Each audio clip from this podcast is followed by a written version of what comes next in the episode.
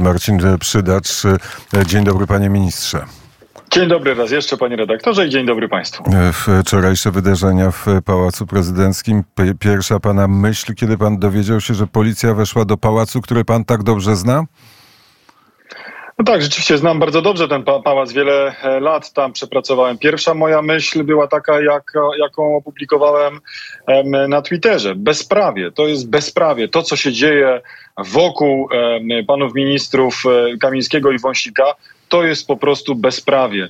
Bez, bez podstawy prawnej działające organy władzy, bez podstawy prawnej działająca policja, nachodząca Pałac Prezydencki e, pod nieobecność gospodarza, pod nieobecność pana prezydenta, który w tym czasie nomen omen, jak co roku o tej porze spotykał się z opozycjonistami białoruskimi. Co roku, to przecież Radio Wnet doskonale to wie, co roku w okolicach świąt czy po świętach pan prezydent zaprasza opozycję białoruską z panią Cianowską na czele e, do Belwederu. E, tam spotykał się, rozmawiał o sytuacji politycznej na Białorusi, o tym, jak możemy wspierać także i więźniów politycznych tam na Białorusi, a tymczasem pod osłoną E, tych działań policja wkracza e, zupełnie niepytana, zupełnie nieblokowana, arogancko zachowując się wobec ministrów, przeszukując ich, e, ich samochody, ministrów kancelarii prezydenta przecież.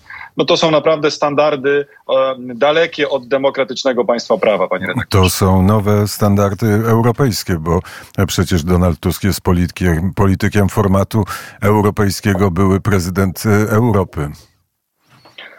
No to nie są standardy europejskie. Może nowe. Być może tak e, Platforma Obywatelska chce je pudrować.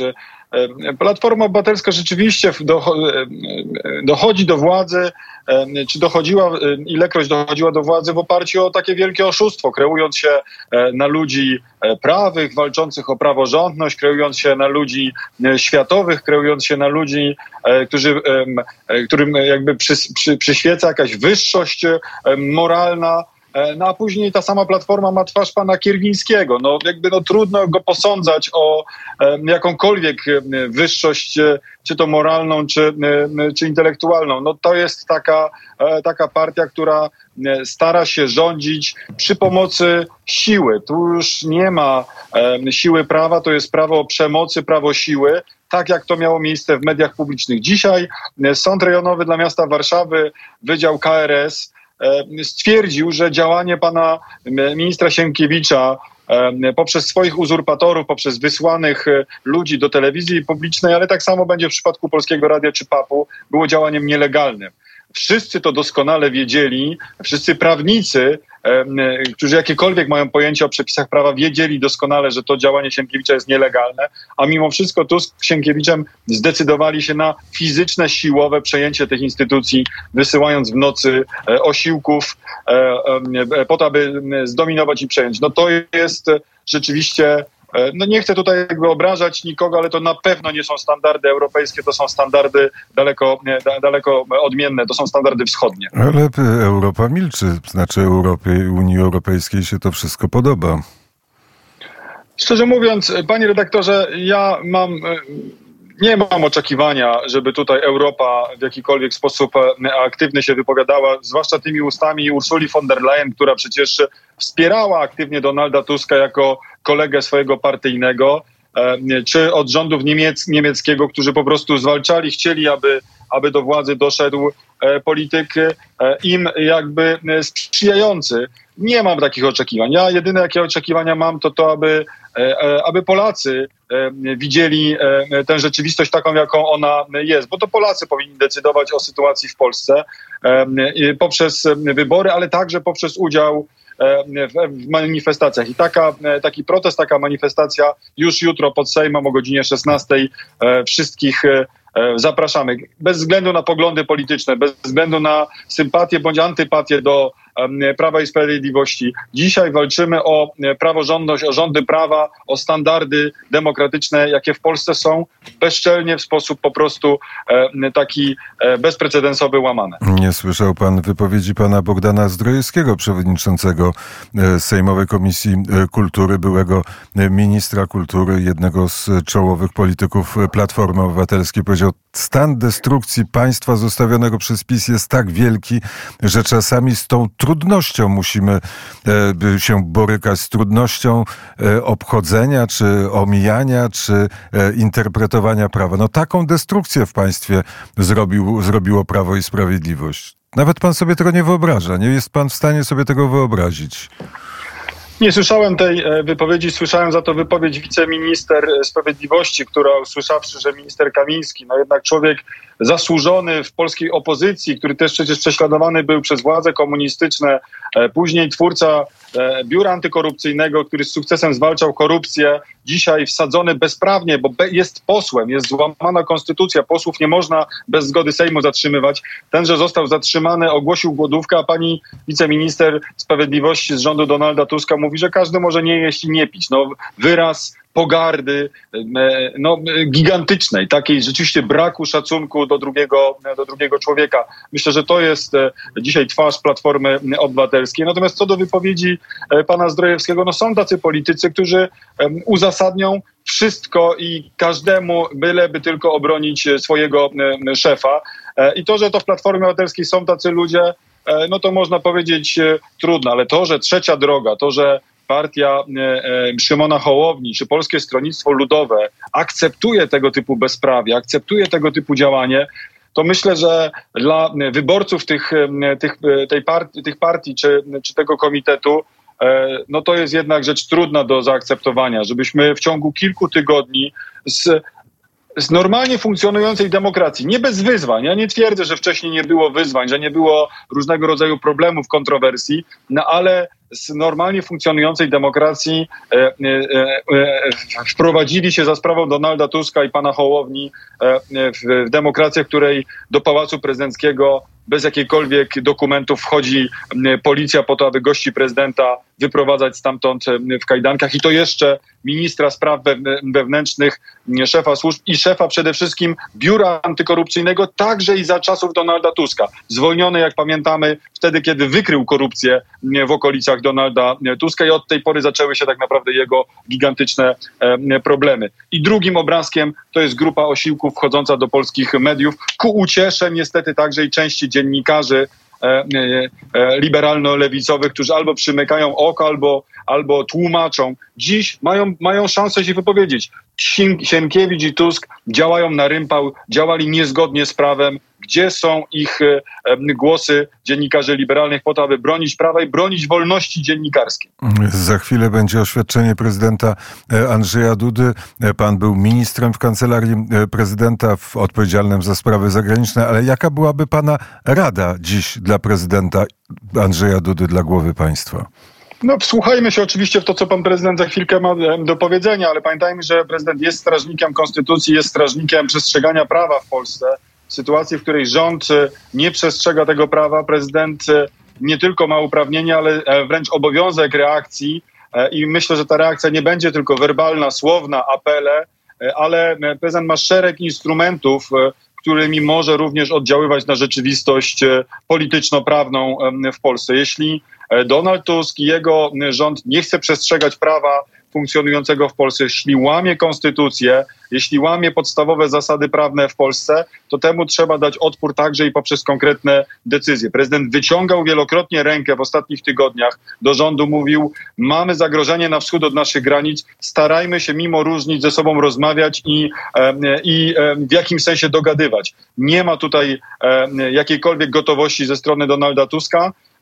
Więc spodziewam się, że prezydent E, rzeczywiście może teraz przystąpić do różnego rodzaju działań, które e, będą już działaniami nie tylko, tak jak mówię, słownymi, ale także i polityczno-prawnymi. Panie pośle, panie pośle, panie ministrze, pytanie jeszcze o tą politykę zagraniczną pana prezydenta. Wczoraj szefowa kancelarii powiedziała, że prezydent wystosuje list stanowisko wobec głów państw europejskich i instytucji międzynarodowych. Taki ruch coś może dać, jaką tutaj ma zakres działań, jaki ma prezydent w tym aspekcie kontaktu z innymi krajami, żeby informować, alarmować. No, prezydent jest najwyższym przedstawicielem państwa polskiego, jest jakby pierwszym dyplomatą tak naprawdę e, e, w relacjach między, międzypaństwowych jako głowa państwa ma kontakty e, z prezydentami, ale także z szefami różnych organizacji, a jednocześnie pan prezydent przecież przyznał wprost, Mariusz Kamiński i Maciej Wąsik są więźniami politycznymi. Są parlamentarzystami, posłami, wobec których zostało, zostało zastosowane skutecznie prawo łaski. E, mają prawo zasiadać w parlamencie bez zgody Sejmu, zostali zatrzymani i umieszczeni w areszcie do wykonywania nieprawnie orzeczonej kary. No prezydent nie tylko jako strażnik konstytucji, ale jako przedstawiciel e, państwa ma e, prawo i obowiązek o tego typu praktykach e, realizowanych przez rząd liberałów i lewicy w Polsce informować tych, których uzna za, za stosowne, począwszy od Rady Europy przez instytucje międzynarodowe, myślę, że także i ONZ, ale także w swoich relacjach dwustronnych z poszczególnymi e, państwami, będzie informował. Ja nie sądzę, żeby tutaj ktokolwiek oczekiwał jakichś działań, ale my jesteśmy jednak rodziną państw demokratycznych. W sytuacji, w której w Polsce dzieje się bezprawie, w której następują czarne dni polskiej demokracji, e, świat naszych sojuszników i przyjaciół ma prawo wiedzieć o tym, jak rzeczy wyglądają naprawdę, a nie w taki sposób, jak e, e, próbują to zaciemniać politycy rządowi i sprzyjający im dziennikarze. Cały czas czekamy na wystąpienie pana prezydenta. Miało być o 11.30, jest 11.40, 10 minut opóźnienia, za czym jak to dalej będzie wyglądać, to z tego czasu nam danego przez pana prezydenta jeszcze skorzystam. Panie ministrze, naszym gościem Marcin Przydacz, poseł Prawa i Sprawiedliwości, ale przez wiele lat minister w kancelarii prezydenta. Bezpieczeństwo Pałacu Prezydenckiego. Pojawiały się informacje, czy takie opinie bardziej, że w tej chwili no, SOP przestał być służbą, która daje prezydentowi poczucie bezpieczeństwa. Panie redaktorze, działanie Służby Ochrony Państwa reguluje e, ustawa, e, ustawa o Służbie Ochrony Państwa i ona w jasny sposób wskazuje e, także i zadania i, te, i, i takie działania, które SOP powinien podejmować w oparciu o konkretne decyzje. Więc ja nie chcę tutaj bez jakiejś pogłębionej analizy tej ustawy komentować zachowania. Z całą pewnością nie może być tak, że do budynku administracji publicznej wchodzi jakaś grupa która według informacji, które, które publicznie e, przekazywała także szefowa kancelarii, nie przedstawia się, nie przedstawia żadnych dokumentów, wchodzi do, e, do pałacu e, w strojach policjantów, no ale przecież nie przedstawiwszy dokumentów ani informacji, no trudno jest to zweryfikować, a, a funkcjonariusze Służby Ochrony Państwa nie reagują, czy też wpuszczają taką osobę, czy takie, taką grupę na teren Pałacu Prezydenckiego. No to jest na pewno temat, który powinien być e, wyjaśniony, jak w ogóle do tego mogło dojść. Ja wiele lat pracowałem w Pałacu Prezydenckim i każda osoba, która tam e, wchodzi, musi zostać wylegitymowana, musi zostać podany cel jej wizyty, do kogo się udaje i nie może się przecież poruszać także i po Pałacu Prezydenckim bez obecności pracownika, z którym się spotyka, czy dyrektora, czy, czy, czy, czy jakiejś osoby nadzorującej. No nie jest tak, że Pałacu Prezydenckim może sobie każdy chodzić gdzie chce. A tutaj okazuje się, że nielegitymowana przez nikogo policja jest puszczana przez SOP. Na pewno to nadwyręża zaufanie do tej e, służby i nie dziwię się, że pojawiają się w przestrzeni publicznej głosy, e, jakoby e, e lepszą e, formułą e, zapewniania ochrony głowie państwa była ochrona ze strony wojska, natomiast musimy mieć świadomość tutaj funkcjonujących przepisów prawnych, także jeśli chodzi o wyjazdy pana prezydenta e, za granicę, prawda? Bo czym innym jest ochrona e, służb cywilnych, a czym in, znaczy cywilnych, niewojskowych, e, mundurowych, niewojskowych, a czym innym jest używanie Ale wojsk. z takiej szybkiej reakcji jest taka ścieżka prawna, która pozwala prezydentowi powiedzieć, no ci ludzie nie gwarantują bezpieczeństwa zależnie od ministra Kierwińskiego, zwracam się do szefa sztabu generalnego, do generała Kukuły, żeby Pałac Prezydencki był objęty ochroną wojskową, żandarmerii lub innej jednostki wojskowej. To e, da się prawnie ubrać e, taką, e, taki krok w język, w, w ramy prawne? Tak jak mówię, nie chcę tutaj dywagować nad tym, bo, bo, bo nie wczytywałem się aż tak szczegółowo w ustawę o, o SOP, ale wiem, że ustawa o Biurze Ochrony Rządu, czyli jeszcze poprzedniczka e, tejże służby, regulowała to w następujący sposób, że prezydent e, Rzeczypospolitej nie może się zrzec ochrony Biura Ochrony Rządu. Zdaje się, że tego przepisu w ustawie o SOP już nie ma, więc wszystko zależałoby od konkretnej decyzji głowy państwa.